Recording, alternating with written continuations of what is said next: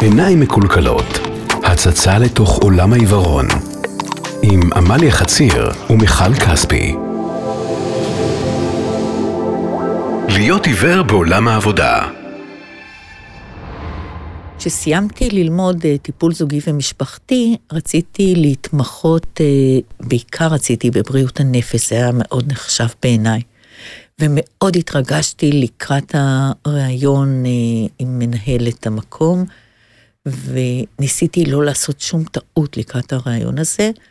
ואחד הדברים שעשיתי, או החלטתי מראש, כדי לא להביך את עצמי, כשהיא מגיעה מולי, אני אושיט לה יד. וזה מה שעשיתי. עמדה מולי גברת, אני שומעת אותה מדברת, ואז אני מושיטה יד ללחוץ לה, ואני מרגישה שמשהו קצת לא בסדר. טוב, לא תפסתי את היד, תפסתי לה בחזה, כי היא הייתה מאוד נמוכה, וככה הייתי צריכה להתחיל רעיון עבודה מהמקום הזה, שאני תופסת בחזה של המנהלת, ובוא עכשיו תספרי לי על הכישורים שלך.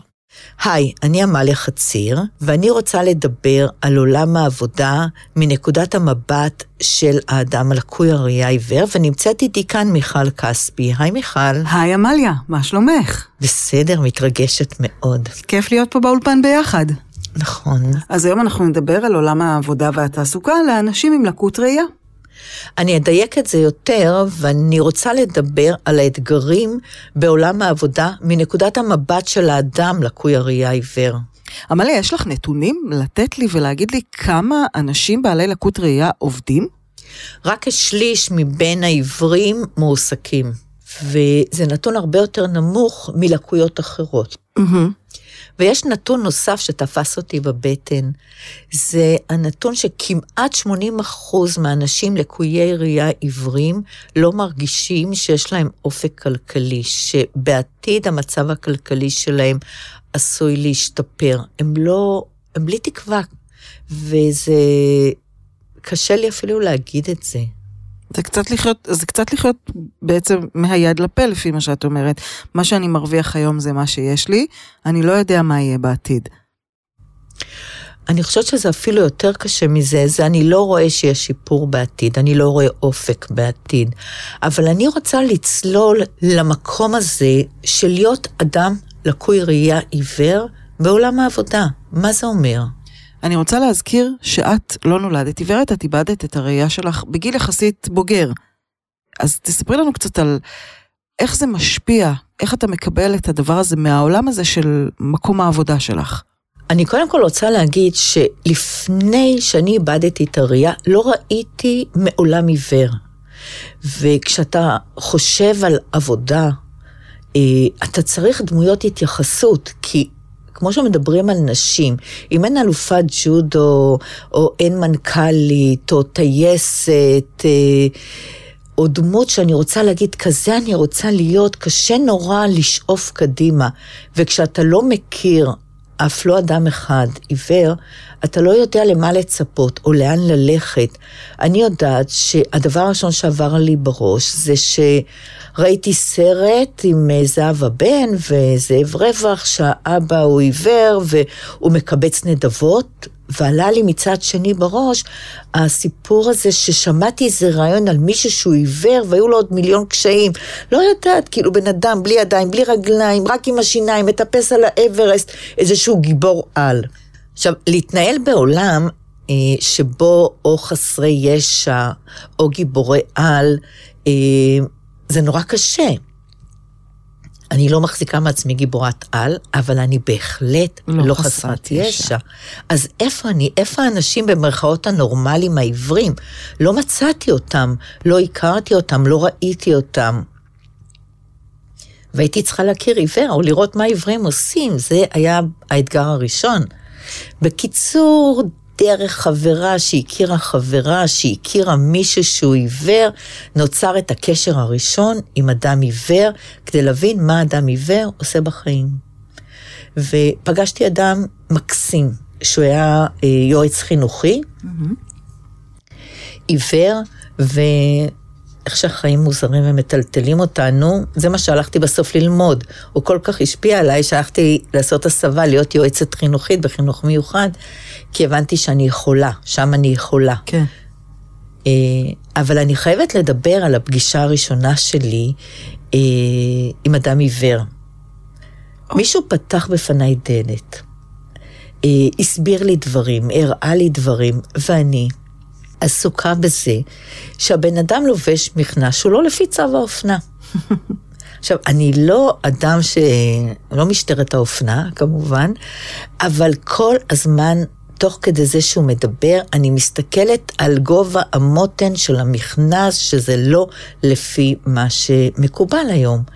וזה מעסיק אותי, ואני כל הזמן אומרת לעצמי, עמליה, את כזאת שטחית. על זה את מסתכלת, תסתכלי כמה דברים חכמים הוא אומר, למה את עסוקה בזה כל הזמן? ואני כועסת על עצמי תוך כדי הפגישה איתו, על השטחיות שלי, אבל אז אני מבינה. את יודעת, ההבדל בין מקום עבודה לבין אה, מרחב אה, אישי, זה שאין שם את כל האנשים שהם תמיד בעדך ויגידו לך את הדברים הנכונים. נכון. בכל מקום עבודה. שיעירו לך, אלא יש תחרות ויש אתגרים, ואני מכירה עולמות אה, עבודה. כן. אה, ומה יהיה אם אף אחד לא יגיד לי שאני באה עם הלבוש הלא נכון, הלא מתאים? אה, אוקיי, אם אנשים מגיעים לעבודה עם לבוש מסוים, אה, כולם יודעים, או תוך יום-יומיים שאתה נמצא במקום העבודה, אתה מבין מה הקודים אם של יש הלבוש. קוד לבוש, כן. כן, ובכל מקום יש קוד לבוש. כשאתה נמצא מול בורד ואתה מגיע עם חליפה ועם חולצה לבנה ועניבה, וביום יום שלך במשרד אתה בא עם מכנס וחולצה אחרת. אבל אם אף אחד לא אומר לך את זה, איך תלמד? נכון. אנשים לומדים תוך כדי ראייה. ופה נכנס הקושי המאוד מהותי. אה, של להבין את המוסכמות ואת הנורמות החברתיות במקום העבודה. אוקיי. אה, אני זוכרת שהבן שלי דיבר על זה שהוא הגיע פעם ראשונה להייטק, ושם כל הזמן היה happy hour, ומלא מתוקים, וגלידות ודברים וזה, והוא לקח והעמיס, ואז כולם הסתכלו עליו, ואמרו, רגע, רגע, זה לא בריא. זה לא בופה.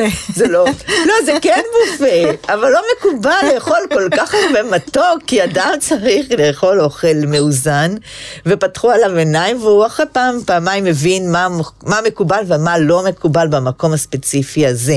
בסדר, את יודעת, בכל מקום עבודה אתה נתקל באנשים שלומדים אותך, את המקום עבודה ואת הקודים שלו תוך כדי. אני יכולה לספר לך שאני אני עובדת ב, בעולם התקשורת, שם אין קודי לבוש כשאתה ביום רגיל במשרד, ואני זוכרת שבאחד המקומות שעבדתי הגיע בחור חדש לתפקיד אה, ניהולי לא בכיר, תפקיד ניהולי זוטר שכזה, והוא חשב שצריך, בגלל שאתה, יש לך טייטל של מנהל בתוך התואר, אז אתה צריך להתלבש מאוד מהודר. וכולנו הלכנו והסתובבנו עם ג'ינס וכפכפי אצבע. ולקח לו זמן להבין את זה, אבל גם הוא הבין מתישהו שזה לא מקום שבאים אליו עם חליפה, וזה בסדר גם לבוא עם ג'ינס וטישרט. על זה בדיוק, על זה בדיוק אני מדברת. על המקום הזה שאדם רואה, יכול להבין, להס- להסתנכרן ולהתכוונן לקודים הקיימים בסביבת העבודה, ולאדם עיוור, הרבה פעמים לא נעים להגיד לו שהכפתורים לא מכופתרים בסדר, או שיש אה, רכבת בגרביון, או שהוא לא עשה משהו נכון. אז איך כן לומדים בסוף? אה, זה מורכב, כי אנשים לא אומרים את זה. אנשים נבוכים מלהגיד, והם כל כך רוצים לשמור עליך, שהם מזיקים לך בסופו של דבר. אה, ואז אתה הופך להיות יותר חריג ממה שאתה באופן כללי. לפעמים דברים מגיעים בדרך עקיפה. אה, לדוגמה, אה, לומדים בדרך הקשה, מה שאני מנסה לומר. הייתי יועצת חינוכית בבית ספר לחינוך מיוחד, וחברה הפנתה איזה פסיכולוגית שהיה לה מאוד חשוב אה, להתאים מסגרת חינוכית לאיזה תלמידה שהיא עבדה איתה, ו... החברה הזו עשתה את הקישור, אותה פסיכולוגית הגיעה לשיחה איתי, ובאמת ניסיתי להסביר לה את כל הדברים, ומה כן ומה לא. היא גם רצתה לדעת מעבר לקלעים עד כמה זה באמת, כמו שמציגים, ונתתי לה את כל האינפורמציה שהיא רצתה. וכשהיא חזרה לחברה שלי, אה, והיא שאלה אותה, נו, איך היה? אז היא אמרה, תשמעי, הבחורה הזאת נורא מוזרה. ואז היא שואלת אותה, למה מוזרה? היא אומרת, אני לא יודעת, מצד אחד, היא באה ומספרת ומדברת ומשתפת ואומרת דברים שבדרך כלל... מדברת לעניין. לא, אבל גם אומרת דברים שהם מאחורי הקלעים, והיא מאוד uh, מקצועית. מצד שני, נורא מוזרה, יש משהו לא קוהרנטי בין השפת גוף שלה לבין התוכן שלה. ואז החברה שלי אומרת, את יודעת שהיא עיוורת? ואז היא תופסת את הראש ואומרת, אוי, וואו, את יודעת מה? עכשיו אני מבינה, אני מחייכת אליה. בלהגיד לה תודה שהיא משתפת, והיא לא מחייכת חזרה. אני מטה את הגוף כלפיה, והיא נשארת בנקודה שלה נוקשה. עכשיו, זה לא שהסתרתי במקום העבודה את זה שאני לא רואה, כן. אבל לא כל מי שנכנס לחדר, אני קודם כל צועקת, הלו, אני לא עיוורת. כתוב לך על הדלת עמליה חציר עיוורת. העיוורת, כן. כן. אה, לא ראיתי לנכון בכלל לשתף, כי אנחנו נמצאים בחדר שאני מכירה, בחלל, בסדר, אנחנו מנהלים שיחה אה, של שני אנשי מקצוע, והרבה מאוד מהאינפורמציה שהיא ניסתה להעביר לי בשפת גוף שלה, הלכה לי לאיבוד, והיא קלטה אותה בצורה שהיא לא נכונה, שמשהו אצלי לא בסדר. אה, ואם לא הייתה את החברה המשותפת הזו, אז אה, לא הייתי יודעת על זה אפילו. אבל עכשיו, אה, אחרי זה, התחלתי פשוט לחייך לכל אחד, just in case, לחייך, לחלק חיוכים, אובר, לנסות עם השפת גוף שלי, ממה שאני זוכרת כאדם רואה. אבל יש הרבה מאוד מקרים או אינפורמציות שנעלמות, ואנשים לא טורחים לתווך את זה, כי הרבה פעמים הם לא מבינים שיש משהו. אני יכולה לתאר דוגמה אחרת. בית ספר, חדר מורים, זה נשמע כמו כוורת דבורים, מפני שכולם עסוקים בזמן קצר, גם לשתות, גם לאכול, גם להעביר אינפורמציה אחד לשני, גם להתעדכן, גם לבדוק אם בדקו להם או שכפלו להם את הדפים שהם רצו. זה משהו של רחש אינסופי של בזזז, כמו כוורת דבורים. אה, ואני יושבת שם עם אה, שניים מהעמיתים שלי, ואז פתאום הרחש הזה פתאום מתחיל במי, מהבזז, משתתק. שקט? ואז שוב יש רחש. ואני שואלת את מי שיושב מולי, מה קרה? אמרו לי, כלום. אני אומרת, אבל קרה משהו, מה קרה פה? אמרו לי, שום דבר לא קרה. כי קרה משהו. ואז מישהו שקצת היה יותר מודע למה שקורה סביבו ולעצמו, הוא אומר שום דבר, המנהלת פשוט נכנסה, פתחה את הדלת של חדר המורים, הסתכלה על הלוח של התורנויות, ואז כל אחד חשב תוך תוכו האם הוא תורן או לא, כנראה הייתה שם איזו תאונה בחוץ ומישהו הולך לשלם על זה ביוקר, ויצאה. אז היה איזשהו שקט, ואז חזר הרעש, ולכאורה לא קרה כלום. היא נכנסה, הסתכלה ויצאה. אבל זו אינפורמציה שהיא מאוד חשובה שלא היה לך בעצם איך לדעת אותה, מבלי שמישהו יסביר לך. ממישהו שיתווך, כי יש לזה הרבה נגזרות לאינפורמציה כזאת, אה, כמו כמה חשש שיוצר אה, נושא של תורנויות, או תאונות בבתי הספר, אה, או כל מיני דברים, מערכת יחסים בין המנהלת לשאר המורים שלי, יש מערכת יחסים אחרת איתה.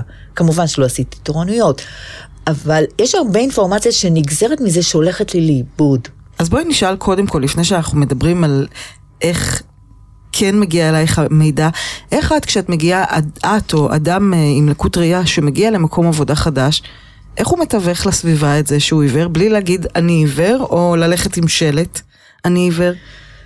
קודם כל, זה מתחיל בכלל מהמקום הזה של אה, קורות חיים. כותבים את זה בקורות חיים? זה בעיה, זו אחת הבעיות. אם, איפה, קודם כל, איפה כותבים את זה? זה חלק ממי שאני, בגיל... אה, זה בדיוק העניין, זה כמו שאת לא תכתבי בקורות חיים, אני מטר שמונים עם עיניים כחולות. נכון, אבל אה, זו אינפורמציה שהיא חשובה, אבל אני אף פעם לא ידעתי איפה לשים את הלקות ראייה בקורות החיים. אם לקות הראייה היא לפניי, אם זה קודם כל מה שמאפיין אותי ומי שאני, אם לשים את זה מאחורי הגב, לידי, לצידי, על הראש, אף פעם לא ידעתי איפה לכתוב את זה, אם לכתוב את זה באותיות של אה, שמונה, פונט שמונה, ושלא רואים בסוף, כן. או לשים את זה בהתחלה, זה נ"ב. חלק מההיסטוריה שלי, מקומות שהתמחיתי בהם, או ההשכלה שלי. איפה אתה שם את זה? עכשיו, אם שמים את זה בפרונט גדול מדי, חזק מדי, אז הרבה פעמים לא עונים לך, פשוט מתעלמים ממך. כן. אם אתה שם את זה קטן מדי, זה מפתיע, או שאתה לא שם. אה, זה בעיה, זה חלק מהבעיות ש... שהם צריכים להתמודד איתם. הרבה פעמים מה שניסיתי לעשות, אה, אחרי שעזבתי את מערכת החינוך, כשהחלטתי לעזוב את מערכת החינוך ולהתמודד עצמאית, הייתי נוהגת לשים את זה, אתה, כמו שעושים בדלת לפעמים, אחרי רעיון עבודה של איזה חצי שנה, שעה, לעמוד בדלת ולהגיד, אה, ודרך אגב, כן, אני גם ביציאה מהרעיון עבודה, רגע, את יכולה להסביר לי איפה הדלת? כי אני לא רואה אותה. כן, אני עיוורת. כן, אה, זה לא כל כך עובד, או כמו שתיארתי במפגש הראשון שם ברעיון עבודה, שאני נוגעת אה, בציצי של המראיינת שלי, כי אני מושיטה יד, כי לפני כן אה, אנשים הושיטו לי יד ולא שתתי לה חזרה, ואז שאלו אותי אחרי זה בשקט אם אני שומרת נגיעה, כי אני לא נראית דתייה, אבל זה, זה יוצר הרבה... הצד השני יש לו כל מיני פרשנויות מצד אחד, ומצד שני, כשאתה אומר, אז פתאום כל השיחה נוספת, אוי, וואו, אני נורא מצטער, על מה אתה מצטער? אתה לא גרמת לזה, בואנה, אני עכשיו רוצה לדבר על היכולות שלי, על הכישורים שלי, אל תיתקע מתי זה קרה כן. לך, ממי, ממה, אל תרחם עליי גם. זה גם תופס המון נפח. אה, ואז הייתה לי נטייה לצמצם את זה, או לשים את זה באיזה שהם מימדים מאוד מאוד קטנים, וכן, יש לי איזושהי בעיה שאני גם לא כל כך רואה טוב. זה העניין של אנשים שהם לקויי ראייה, שיש להם שפת גוף של אנשים שהם אה, רואים והמצב שלהם עוד יחסית סביר, הם יכולים לטשטש את זה. אבל אז זה יוצר מצבים נורא נורא מביכים, או לא אפשריים כמעט. Mm-hmm. אני זוכרת שראיינתי מישהו, והוא סיפר לי שהוא התעסק במכירות עם לקוחות, והאסטרטגיה שלו הייתה להגיע למקום המפגש הרבה לפני, אה, להכיר את הסביבה, להזמין לעצמו כוס קפה או שתייה קרה, לדעת איפה הכוס, לדעת איפה הכיסא, ולא להביך את עצמו מול הלקוח. וכשהלקוח מגיע הוא כבר, המרחב מוכר לו. אבל אז פעם אחת הוא הלך לבית קפה שהם קבעו שם, ומסביב לשביל, מכירה את הבריכות נוי האלה? כן. אז הוא פשוט לא ידע שיש שם שביל מלא מים, עם הרגל עד הברך, נכנס לתוך הבריכה הזאת, והוא היה צריך להגיע למקום עם נעל מבצבצת, כולה רטובה, גרב רטובה, מכנס רטוב מתחת לזה, ולנהל שיחה כאילו הכל בסדר, ולשכנע את הלקוח אה, לעשות איתו איזושהי עסקה. אה, וכמה אנרגיה וכמה אה, כוח זה צריך להיות עסוק גם בלשכנע לקוח וגם בלהסתיר את זה שאתה, בוא'נה, הכל רטוב, אני כופה כן. מקור. לא נעים לי ולא נוח לא לי כרגע. לא נעים לי ולא נוח לי. אז המקום הזה של בין להסתיר או לטשטש את הקושי, אה, לבין להגיד, תשמע, אני, תבוא תאסוף אותי מהבית כי אני לא רואה או לא יכול או קשה לי. איפשהו צריך למצוא איזשהו שביל שמאפשר את שני הדברים האלה יחד. ו... את יכולה להצביע על הקשיים בעצם?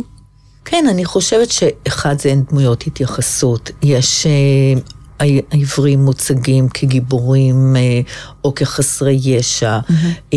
הרבה אינפורמציה שבסביבה לא מתווכת, הרבה פעמים הנורמות החברתיות שברורות לכל אחד הולכות לאיבוד תוך כדי.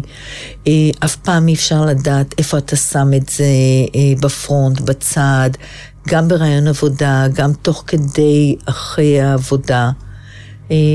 זה פחות או יותר הדברים הקשים שהיו לי בהתמודדות שלי. ובואי רגע ניקח את אה, נקודת המבט של המעסיק, שאומר, הכל טוב ויפה, יושב מולי מועמד לעבודה שהוא מאוד מוכשר, שהוא מאוד אינטליגנט, אבל מה עם העבודה שלי שבסופו של דבר צריכה להתבצע? את יודעת מה, מיכל? זו נקודה מאוד טובה. אה, אנשים לא מדברים על זה, אה, כאילו לא נעים להם, אבל בואי נעשה פרק אחד שיתעסק דווקא מנקודת המבט אה, של הלקוח, צרכן, מעסיק, אה, ונבחן אותו בתוך אה, עולם תוכן מסוים אולי שאני מכירה, ונבדוק את זה. אוקיי, אז על זה אנחנו נדבר בפרק הבא שלנו. אז הרבה תודה, מיכל, על זה שאת איתכאן איתי. תודה, מעניין שהזמנת אותי שוב. ותודה למנור אה, ברכה ופיקאסט. הופק על ידי פיקאסט, co.il, מבשלת פודקאסט ישראלית.